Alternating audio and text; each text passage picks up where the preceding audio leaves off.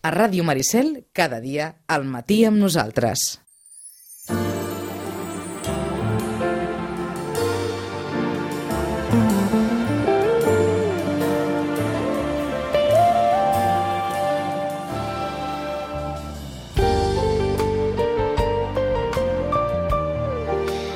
Amb el suport de la representació de la Comissió Europea a Barcelona, la Diputació de Barcelona, l'Oficina del Parlament Europeu, la Secretaria d'Afers Exteriors de la Generalitat i l'Ajuntament, benvinguts a una nova edició de l'Hora d'Europa. És el 9 de maig, el Dia d'Europa. Saben que escoltaran avui en algun moment l'himne d'Europa, que no és altre que l'O de l'Alegria, que Beethoven va composar en el seu dia. Potser allò ja és bastant definitori, Beethoven, pobre, que va morir com un desgraciat després d'haver fet aquella obra tan sensacional.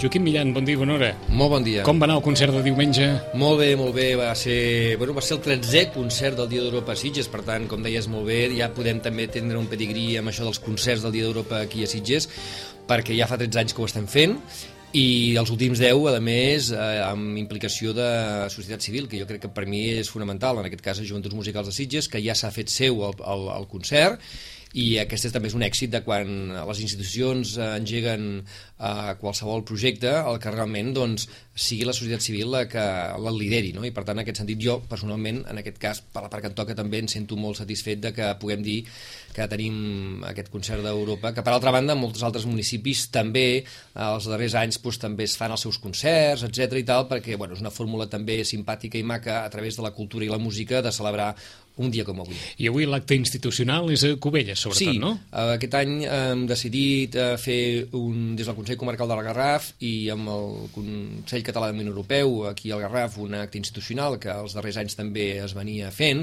però aquest any d'una manera bastant solemne, perquè hem triat doncs, una població que anirà, serà itinerant cada any.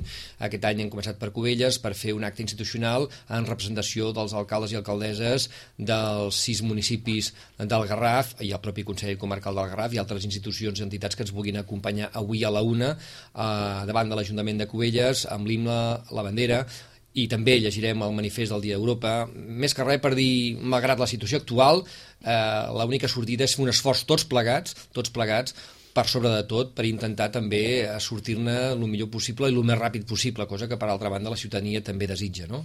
En uns moments saludarem a Enrique Banús, però abans quatre precisions sobre el que ha passat a França i el que ha passat a Grècia. Bé, jo crec que han passat coses eh, que ens estan afectant. Eh, jo abans, eh, t'ho deia tu eh, fort de micro, deia, em va sorprendre ahir, per exemple, a Vilafranca, que estava parlant amb gent gran, justament de l'any europeu de l'envelliment actiu, i de la solidaritat entre generacions i la primera pregunta mm, que va haver-hi del debat de la gent gran eh, va ser una senyora que em va preguntar escolti, eh, el tema Hollande eh, com ens pot afectar? Per tant, jo em va sorprendre molt però també em va dir, vaig pensar ostres, aquesta crisi europea eh, ha, ha posat sobre la taula que Europa és el nostre espai comú, que Europa ens ha de preocupar i que Europa, d'alguna manera, el que passi a França, més que mai, doncs, eh, ho estem mirant pensant això, eh, i, i sabia per què, li deia, per què? Perquè a vostè li agrada l'Hollande o no? Diu no, per tot això de la Merkel, si més autoritat... O sigui, estava molt informada aquella senyora, però molt, i no era l'única.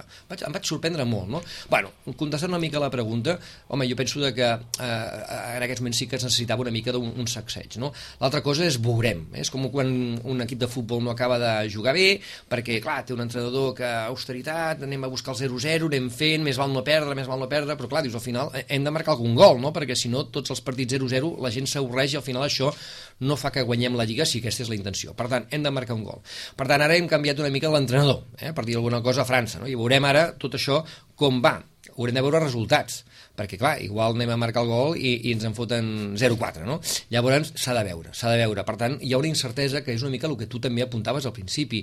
Sabem d'on venim, sabem com estem, ara com estarem, hi ha molta incertesa en aquests moments. No sabem molt bé aquest canvi que pot suposar. Sí que és veritat que és un aire nou, eh, veurem també com hi ha un accent diferent i per tant també allò que en diem un contrapès. No? A vegades els contrapesos també fan que les coses vagin evolucionant d'una manera positiva, però tot això ho haurem de veure perquè també sabem tots, i avui també no, ja, ja no, ens, no ens poden enganyar massa perquè ja ho hem vist, el marge de maniobra és tan poc el marge de maniobra és tan petitet que pots posar l'accent en moltes, en moltes coses, no? però no tens massa marge per fer coses massa diferents de les que estaven fent. Mm -hmm. Jo crec que inclús, eh, no solament el canvi de l'Oran, sinó també economistes, les pròpies institucions europees, el Banc Central Europeu, el Draghi va fa poc, també estava aquí a Barcelona i va dir una sèrie de coses, entre ells va dir l'austeritat està bé, però no només austeritat Eh? Vull dir, si només ho basem amb l'austeritat, mm, no ens en sortirem. Eh, per tant,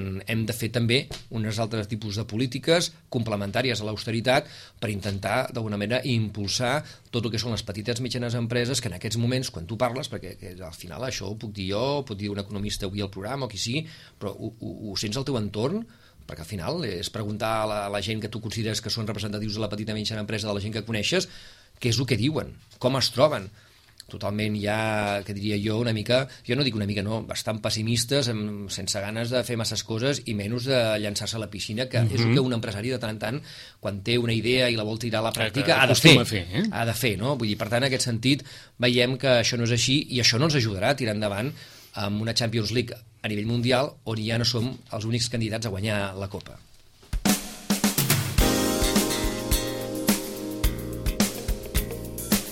10 i 25 no ens extendrem en comentar el currículum de la persona amb qui conversarem, perquè és tan extens que és difícil agafar-lo per alguna cosa. Podríem, podríem parlar amb Enrique Banús de literatura universal. Ho va ser durant 10 anys professor de literatura universal a la Universitat de Navarra. Ha anat a parar a Bonn, al cor d'Europa també. És el director de l'Institut Carremany d'Estudis Europeus de la Universitat Internacional de Catalunya, degà de la Facultat d'Humanitats, director del màster en gestió cultural. En fi, un cap pensant, com ens deia eh, fa uns moments en Joaquim Millán. Saludem Enrique Banús. Senyor Banús, buenos días. Hola, buenos días, buen día. Eh, quina edat té? Jo, Vostè? jo mateix? Sí. 58 anys. 58 anys. Eh, ens disculparà, eh? Però no, cap en, problema. En, en, és, és, un, és un fet, no? Eh, és un fet, és una evidència, però és que cada vegada acostumem mm, a preguntar més als nostres entre, entrevistats, sobretot si ja som persones madures, sobre la situació actual i si recorden en la seva memòria un precedent semblant al qual ens puguem agafar, un precedent dels nostres pares, dels nostres mares, els pares i mares de molts ciutadans francesos o de ciutadans alemanys o els avis o les àvies, d'una situació, diguem-ne, en, què, en què ens trobem en un punt d'inflexió d'aquells d'incertesa que no sabem com continuaran les coses. Us veu cap alguna referència, allò, no sé, de joventut, d'infantesa, sobre això que estem passant avui? Bueno, jo penso que és, és molt difícil de trobar una situació molt semblant, no? però jo vaig estar 18 anys a Alemanya, vaig estudiar allà i conec molta gent que, que té l'experiència de, la, de la guerra i de, i de la situació després de la guerra. No? Uh -huh. Així, eh, jo penso que estem en una situació eh, molt difícil, veritablement, però la situació de crisi és molt habitual en Europa, no? I quan es pensa en aquesta eh, Europa nostra que hem fet mica a mica, és, la, és la, la, una, una solució que trobem per sortir d'una crisi molt més terrible que la crisi d'ara, que és la, la crisi de la guerra, de la guerra que no no no n'hi és una, una generació a Europa que no, que no conec la guerra, la guerra, no? I jo penso que hem de mantenir també aquesta dimensió, aquesta visió històrica per eh, relativitzar una mica eh, la situació en què estem, no? Situació molt difícil, eh, amb una crisi de lideratge i amb una crisi també de, de, de confiança social que jo penso que és molt greu, però eh, la, la qüestió no, no és eh, tant la crisi, mm, sinó com, com fer la gestió de la crisi, mm. com, oh. com reaccionar davant la crisi. Precisament us ho preguntàvem per això, i intentàvem establir aquest, no sé si dir paral·lelisme o no, després de la guerra, tota Europa intentava sobreviure, però hi havia una major confiança sí. en les persones que lideraven el procés sí. polític d'Europa, per dir-ho així, sí. que no pas ara? Sí, havia una major confiança, jo penso també perquè la, la personalitat de, de, dels líders europeus de, eh, del temps després de la guerra és una altra personalitat. No? Tenim eh, gent molt relevant i amb, amb una dimensió històrica com eh, Adenauer, com eh, Jean Monnet, com Schumann, com De Gasperi, eh, Churchill. Eh, I una, una pregunta per a mi és mm, per què ara no tenim eh, líders? Per què ara no tenim personalitats que mm, que provoquen eh, confiança, no? Sí. Perquè la confiança es dona, sí, la confiança es dona, però es dona a la gent que ens sembla que, que mm, eh, com, com dir-ho, que, que estan fent que, un, un projecte eh, un bo projecte. No? Mm. I ara tenim la sensació de que no n'hi ha un projecte, no? Tenim eh, retallades, tenim eh, austeritat, tenim... Però on és el projecte? No? Se- Serà perquè els líders surten dels moments difícils? no, perquè ara tenim un moment difícil Oh, sí, i- però, sense però, líders, no? eh, però n'hem viscut molts, diguem-ne que venim d'una època en què tot semblava bastant fàcil, no? Bueno, bastant fàcil eh, si pensem eh, la, la caiguda del mur de, de Berlín eh, ha estat un moment històric eh, molt interessant i molt positiu, però, però, Molt traumàtic fàcil, també, no, no fàcil. fàcil. No, eh, no fàcil i, i, i la gestió de- de- d'aquest moment històric eh, fa 20 anys, Tam, tampoc és l'edat mitjana, no? Mhm. eh, per, per, la, per França, per Alemanya i per la, la Unió Europea eh, va, va ser eh, molt, molt difícil, molt complicada, no?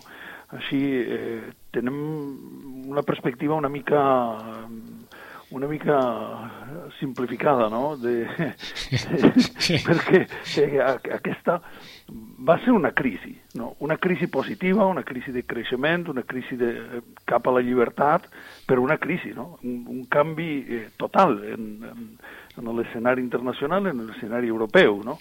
Eh, així, i, i tam, també el, la, la, la sortida la, del terrorisme internacional amb, amb, eh, amb la, aquestes situacions terribles a Nova York, a Madrid, a Londres, eh, també és una, una crisi i, i molt recent, no? Fa, fa uns moments, però, segurament eh, en, ens ho comentàveu, ara hi ha molta més incertesa en saber què passarà. Sí, sí, sí, però jo crec que la incertesa també eh, ve de, de, de eh, veure els polítics i, i tenim la impressió que, que aquesta gent tampoc té una, una solució, tampoc té un programa clar, no? L'únic programa és la retallada, no? Però... Eh, ens ho poseu difícil, eh? Sí, sí, no, Sí. no, eh, eh, veritablement, no? Però, però eh, la retallada no pot ser la, la solució. D'acord, us pregunto a, a partir del que està passant i si també hi pot haver una certa explicació històrica o no. És normal que Alemanya plantegi les coses d'aquesta forma perquè segurament d'entre molts països d'Europa qui més ha viscut el que és la cruesa d'una situació de crisi hagi estat Alemanya?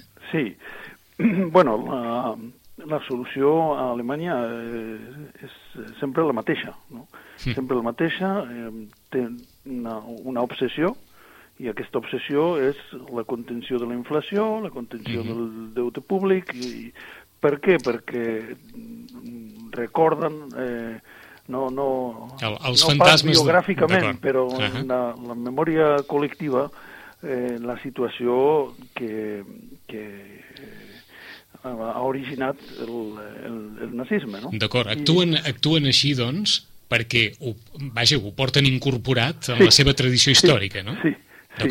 I per això és molt important que, que, que, que, que eh, n'hi hagi un, un diàleg eh, a Europa, no? Mhm. I aquesta és la lectura positiva de l'elecció de, de, de Hollande a, a França, no? D'acord. Eh, Què ha passat Pot a- ser que recuperem el, el, Mhm. diàleg, el diàleg, no? D'acord. Què ha passat a França i fins a quin punt, diguem-ne, eh, això obre una altra porta o, tal i com està la situació actual, per molt que algú cregui que si hi ha alguna altra manera de fer les coses, si no tens els diners i si no tens la, la clau de la caixa, no podràs fer gran cosa, encara que hagis fet el discurs que hagis fet la nit de diumenge passat. Sí, bueno, bé, la, la primera cosa que hem de dir és que un discurs eh, electoral o postelectoral eh, és un discurs electoral o postelectoral, no?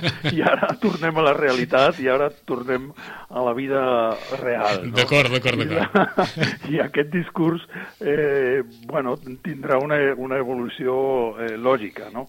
Però jo penso que s'obre una, nova, una nova porta, eh? s'obre una nova porta de, de tornar al diàleg. No? Eh, jo penso que, que no n'hi era diàleg a, a Europa, era una, una sola veu i una sola veu és molt maca, si és la veu de Montserrat Cavaller o d'Ainhoa Arteta, eh, però no, no estoy eh, convingut que, que la veu de Merkel sigui la, la veu de Montserrat Cavaller. No? D'acord, ara I... sembla que, que hi ha una certa tendència, vaja, que, que François Hollande ha, ha obert una esquerda i ara molts s'apunten a aquesta esquerda, no? Ara dona la sensació que aquell discurs que fa sis mesos era bo, ara ara resulta que el discurs d'Hollande és el discurs, vaja, als qual tot, tothom s'hi apunta perquè és el discurs de l'esperança, que, que, que va per aquí. Teniu aquesta certa sensació de que ara sembla que tothom digui no, no, Hollande, carai, quin home, sí, com, bueno, com jo, dit, no? Jo crec que també és un, una mica una reacció de liberació, ah, no? D'acord, d'acord, Del dictat eh, berlinès, no? que ara, ara podem ara podem dir, eh, perquè Hollande ho, ho ha dit... Ah, exacte, i, que, no tot és, que no tot és austeritat, sí, no? Sí, ara Vinga. jo també, no? És com en classe quan un... Eh, un alumne fa una pregunta sí. i, i... I tothom diu, on sí, sí, sí. Jo la volia fer, jo la volia fer.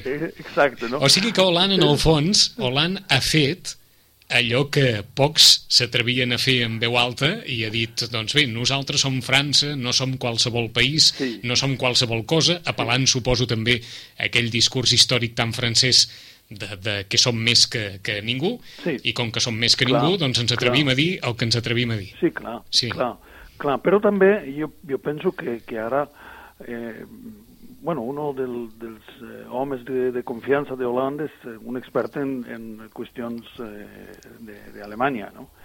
Eh, així, eh, jo, jo penso que, que el diàleg eh, entre França i Alemanya mm, serà, serà més, més com dir, més, més fluid, més plural, més, mm? més plural, més no? plural. No, més, sí, més fluid pot ser perquè la, el, eh, però, però més plural i amb, mm -hmm. amb eh, almenys un, una possibilitat d'obrir la, la línia molt dura i molt única, de discurs únic d'Angela Merkel. No? D'acord, suposo que no ningú convencerà ningú que no sigui també a base de, de resultats. Sí, però, però en, en política eh, no només els resultats compten, no? Tam, també els missatges no? i la, la psicologia, i jo penso que és un element molt, molt important en política i en economia. No? I ara la, la situació psicològica en, en Europa és una situació molt pessimista, no? I jo, jo crec que, que, que aquesta, aquesta situació psicològica eh, paralitza també els possibles esforços per, per donar més creativitat, per donar mm, per, per, per eh, donar molt més força per l'exportació, per exemple, per, per la competitivitat eh, mundial, eh, etc. No? Mm -hmm. I jo penso que un, un, un canvi en, en el missatge, un canvi en el missatge amb conseqüències psicològiques, tindrà també conseqüències econòmiques. No? D'acord, perquè um, Europa està pessimista sí. i té motius per estar-ho. Bueno, sí, però, però el pessimisme i l'optimisme eh, són actituds, no? No, no, són, no són realitats, no? Davant una, una mateixa realitat jo puc eh, estar op més optimista o més pessimista, no? Mm, estem d'acord, però molt probablement hi ha un munt d'europeus que fa cinc anys eren més optimistes que no pas ara. Sí. perquè la situació us ha tocat de ben a la vora o us està tocant de prou a la vora com per dir, bé, doncs aquelles il·lusions que jo podia tenir fa 5 anys, doncs ara no les tinc perquè no sé què passarà.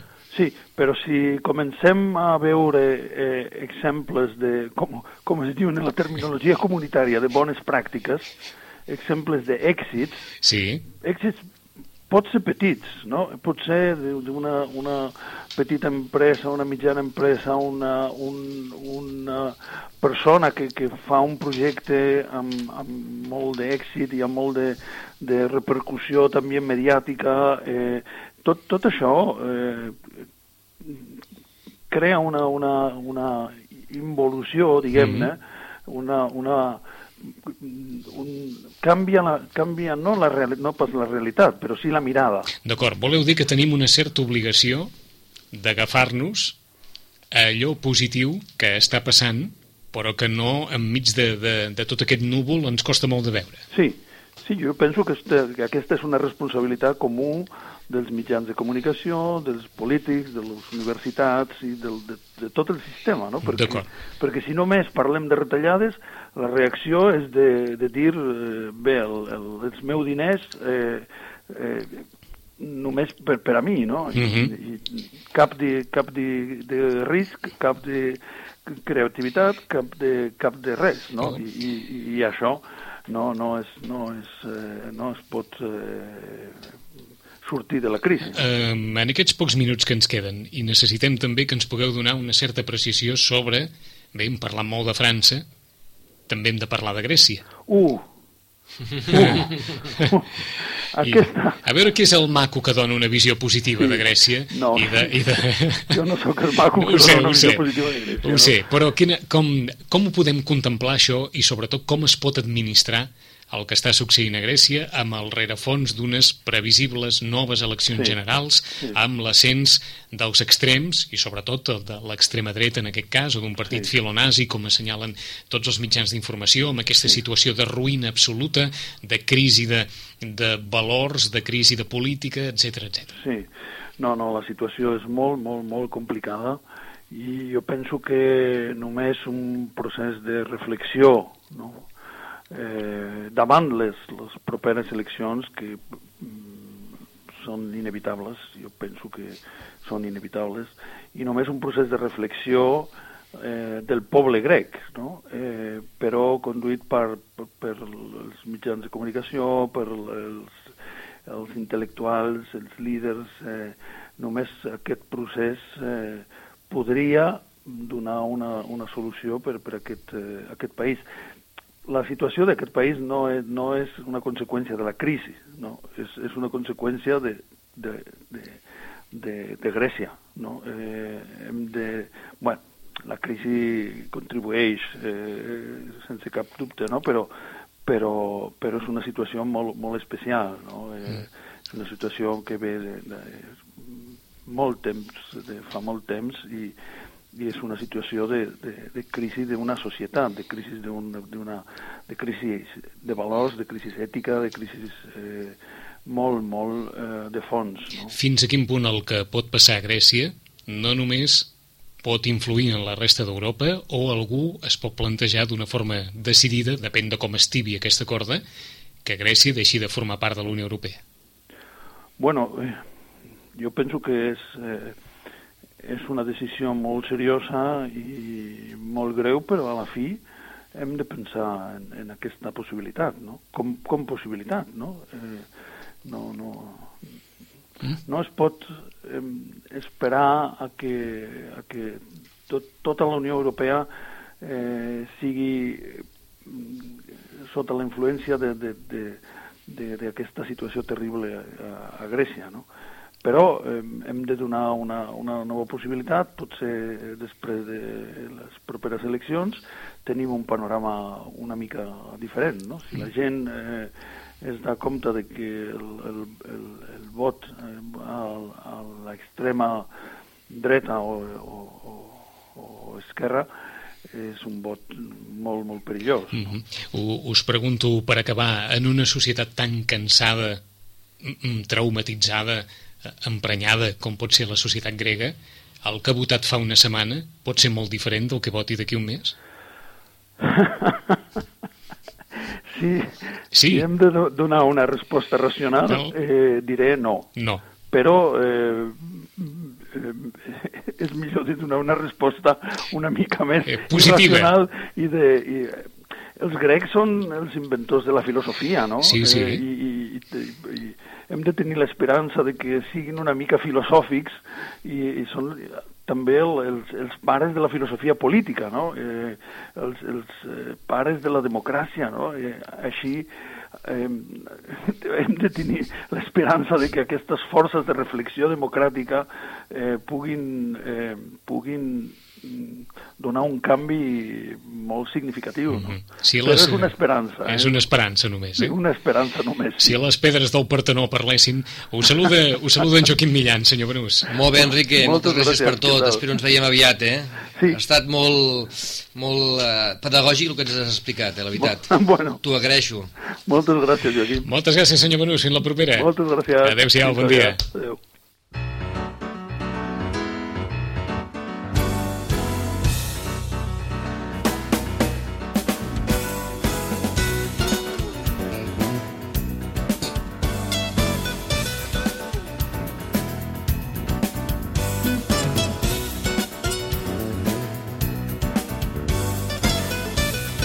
Cada dia al matí amb nosaltres. Reiem perquè, és clar, com que no es pot estar pitjor, doncs, home, almenys una visió una mica positiva de, de la vida. Bé, pitjor sempre es pot estar, perquè ha començat la conversa parlant de la postguerra i donem per segur que estàvem pitjor, aleshores. Joaquim, però una visió Sí. positiva, almenys. Suposo que moltes coses, no? Eh? Perquè també, de fet, a vegades parlem ara amb la situació que ens trobem, però bueno, si mirem en aquella època, com tu molt bé deies, estaves apuntant, sortíem d'una guerra, no? Eh, que ara, afortunadament, penso que, malgrat les coses vagin més malament encara, mm -hmm. no creiem pas que arribarem. Poder això és una de les coses Com? clares que tenim clar que no arribarem. Com ho recorden els francesos, eh? Home, esclar. Cada any, eh? I Cada any, cada any, cada i tant, any. i tant, i tant. Home, és que va marcar una generació i també, el que dèiem, no? l'escola pública francesa, quan parla d'història, parla d'història. Eh?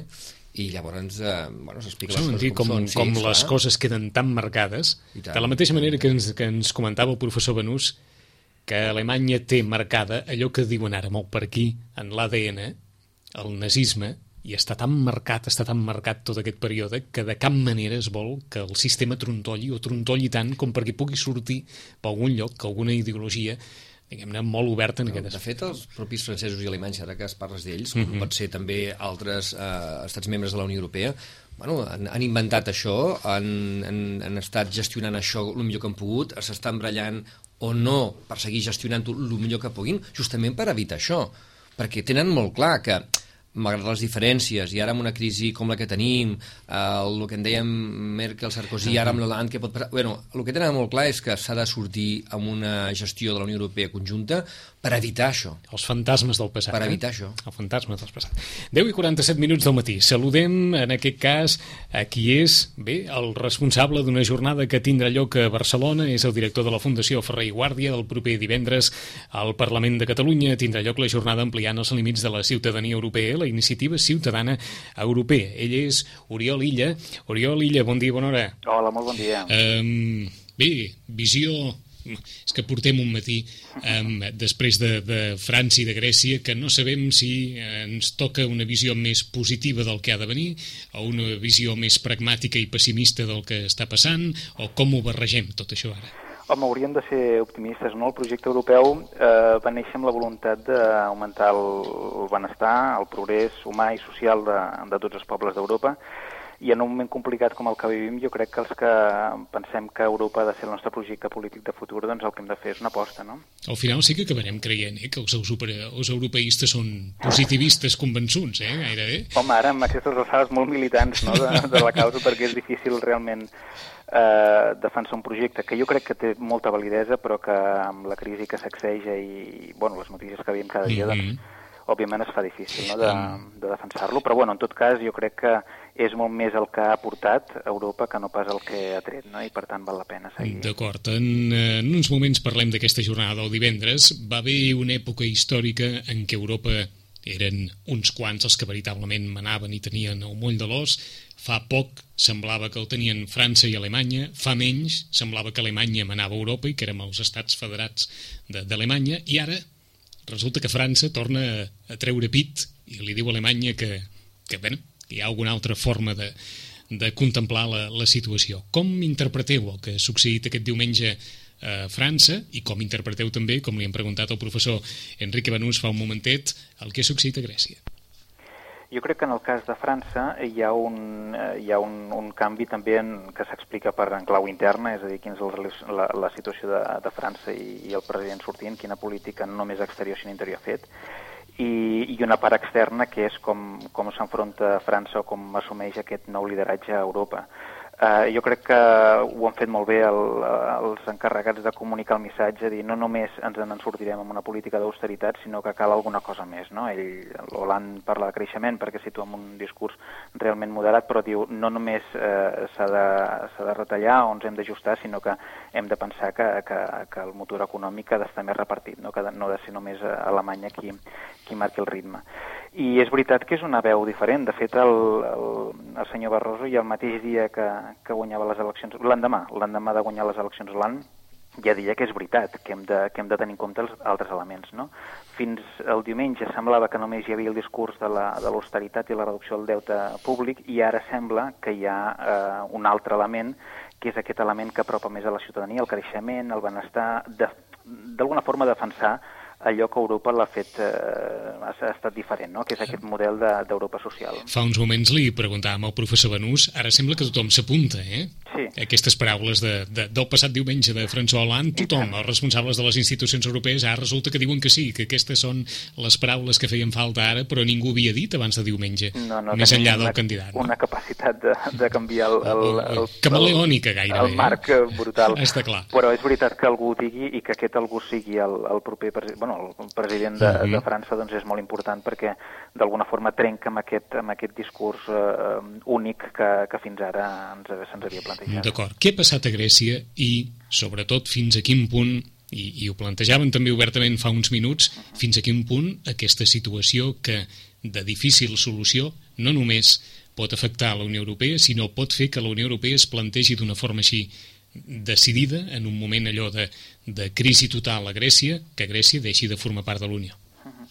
Uh, jo crec que la culpa no és de les últimes eleccions a Grècia, és a dir, sembla que, que Grècia s'ha sumit en el caos des de, des de les darreres eleccions i des del meu punt de vista Grècia està sumida en el caos des del 2001 quan, quan, quan es van maquillar els comptes per, per poder facilitar el seu accés a l'euro i aquesta és la veritat eh, 11 anys de, de mala pràctica, podríem dir, doncs determinats gestors doncs, porten a aquesta situació. L'home Però... que va maquillar els comptes és ara un dels màxims responsables. Efectivament. Oi? Efectivament. Ai, és a dir, ara, clar, sembla que perquè l'extrema dreta ha pujat a Grècia el diumenge i ja estem sumits amb el caos, home, l'extrema dreta, igual que no només a Grècia, sinó arreu d'Europa, és, és un caldo a cultiu que surt quan les, la, la, les circumstàncies són dolentes per la majoria de la ciutadania i per tant mm. aquestes circumstàncies no s'han no eh, cuinat en dos dies sinó que porten anys fent-se eh, home, i amb els grecs algun, algun missatge positiu se'ls ha de donar hi ha grecs que han perdut un 40% del seu poder adquisitiu eh, tenen uns índexs d'atur, és veritat, d'economia submergida també molt alta, però algun missatge d'esperança se'ls ha de donar perquè si no estan abocats a, a, al populisme polític i, i aquest és, jo crec que és la pitjor solució. El problema no és, el caos no ve de, de les últimes eleccions, sinó dels últims anys que s'ha deixat fer. És a dir, jo no crec que els responsables europeus no disposessin de tota la informació per veure que el de Grècia tenia un, un, un mal futur. I, I el problema no són les eleccions, sinó és eh, com s'ha gestionat des de determinats mm. àmbits. Què és la iniciativa ciutadana europea? Doncs és una, una iniciativa del, de les institucions europees que el que pretenen és apropar les institucions europees i, i també Europa a la realitat eh, ciutadana i, i als ciutadans en concret. Eh, és, vindríem a dir, una sembla, eh, té semblances amb el que és una ILP, és a dir, un grup de ciutadans europeus uh -huh. a mhm. títol individual poden començar una campanya de recollida de signatures per modificar o per debatre sobre algun dels temes que són competents a les institucions europees. Llavors això s'ha de fer eh, ciutadans que es constitueixen en un comitè organitzador han de ser com a mínim eh, set ciutadans de set estats membres de la Unió i han de recollir un milió de signatures amb el període d'un any sobre qualsevol tema que sigui competent la Unió Europea.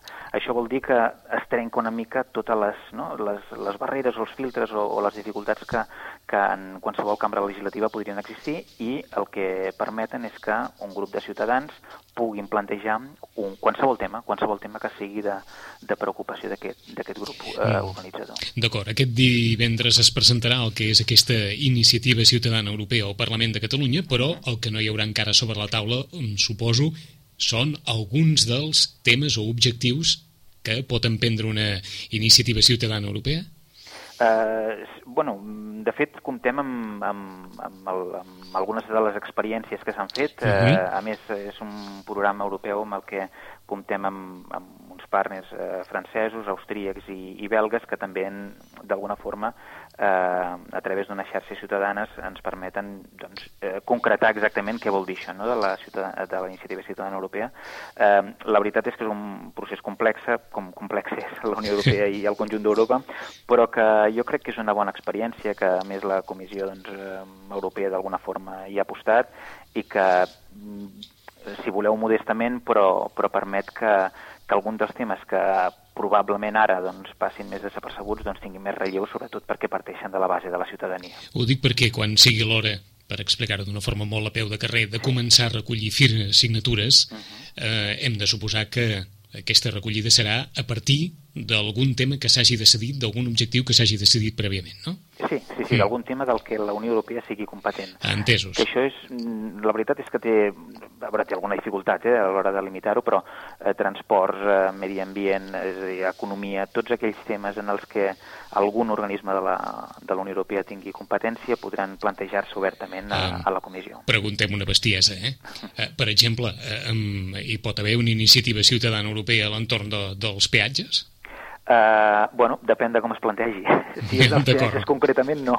Però jo crec que, com que les paraules són capaces d'expressar de, de, de diferents coses, si sobre els peatges no, òbviament. No, però on podem fer un bon eufemisme parlant de les infraestructures ah, i etc. Ah, això mateix. Perquè hi ha transport, per exemple, té un àmbit competencial força extens. Uh -huh. uh, us saluda Joaquim Millan per preguntar també. Joaquim. Hola, Oriol. Mira, Hola, no, però ara em va molt bé que, la pregunta que ha fet el Vicenç sobre els peatges. Clar, Sí, no. D'entrada no farem una pregunta europea sobre els peatges aquí a Catalunya, però sí que podem, com deia l'Oriol, trobar una manera de preguntar que d'una manera indirecta solventi o solventi en part o posi el debat sobre una qüestió dels peatges a Europa i per tant també aquí a casa nostra. No? Per tant, aniria la pregunta que jo li anava a fer a l'Oriol, no? és a dir, també en el, trans, en el recorregut que d'alguna manera s'està manint una iniciativa ciutadana europea, tenim la, tenim la sort d'aprofitar-ho per poder fer debat europeu sobre temes d'interès diguem-ne, comuns europeus. No? Per tant, no només és l'objectiu final, sinó que hem d'aprofitar també tot això, no, Oriol? Jo crec que també és una cosa que a vegades no es pensa, però que també provocarà aquesta opinió pública europea que a vegades trobem a faltar. Eh? perquè tothom allò, més en una època actual, que hi ha de lo mío, no? però bueno, veiem que hi ha de lo mío, de lo tuyo i el de l'altre, potser tenim què hi de la nostra, no? i per tant en aquest sentit seria buscar aquesta, aquestes iniciatives que també comencem a crear una opinió pública europea de temes que ens acaben preocupant a la majoria de ciutadans podem alguna idiosincràsia concreta o singularitat, mm -hmm. però majoritàriament a nivell europeu. No veus, Oriol, com també una oportunitat de crear opinió pública europea? Sí, sí, de fet, eh, el que moltes vegades eh, s'ignora és que el 70% de la legislació que ens afecta, anem a suposar com a catalans eh, eh, i catalanes, el 70% té alguna afectació o alguna influència de la normativa europea. És a dir, que dintre de la nostra legislació, la quotidiana, la que ens afecta, hi ha una influència molt gran del, de l'àmbit legislatiu europeu. Per tant, mm.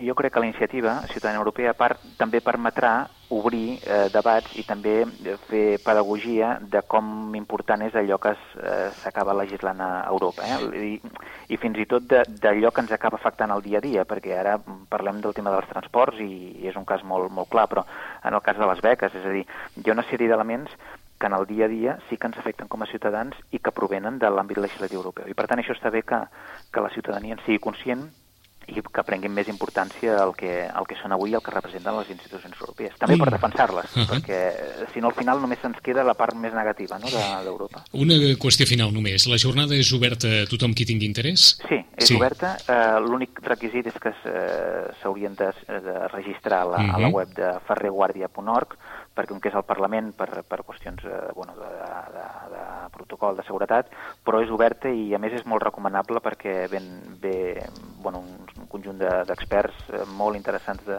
de sentir, jo crec que tindrà molt, molt interès.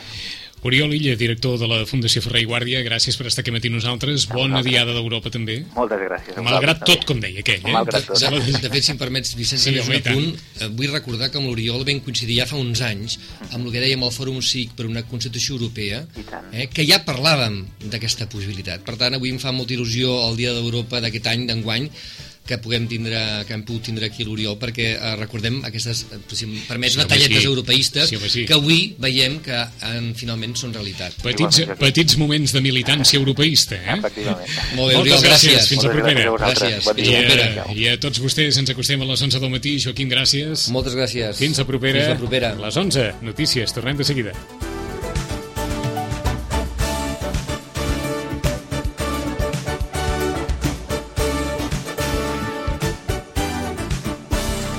Ràdio Maricel, cada dia al matí amb nosaltres.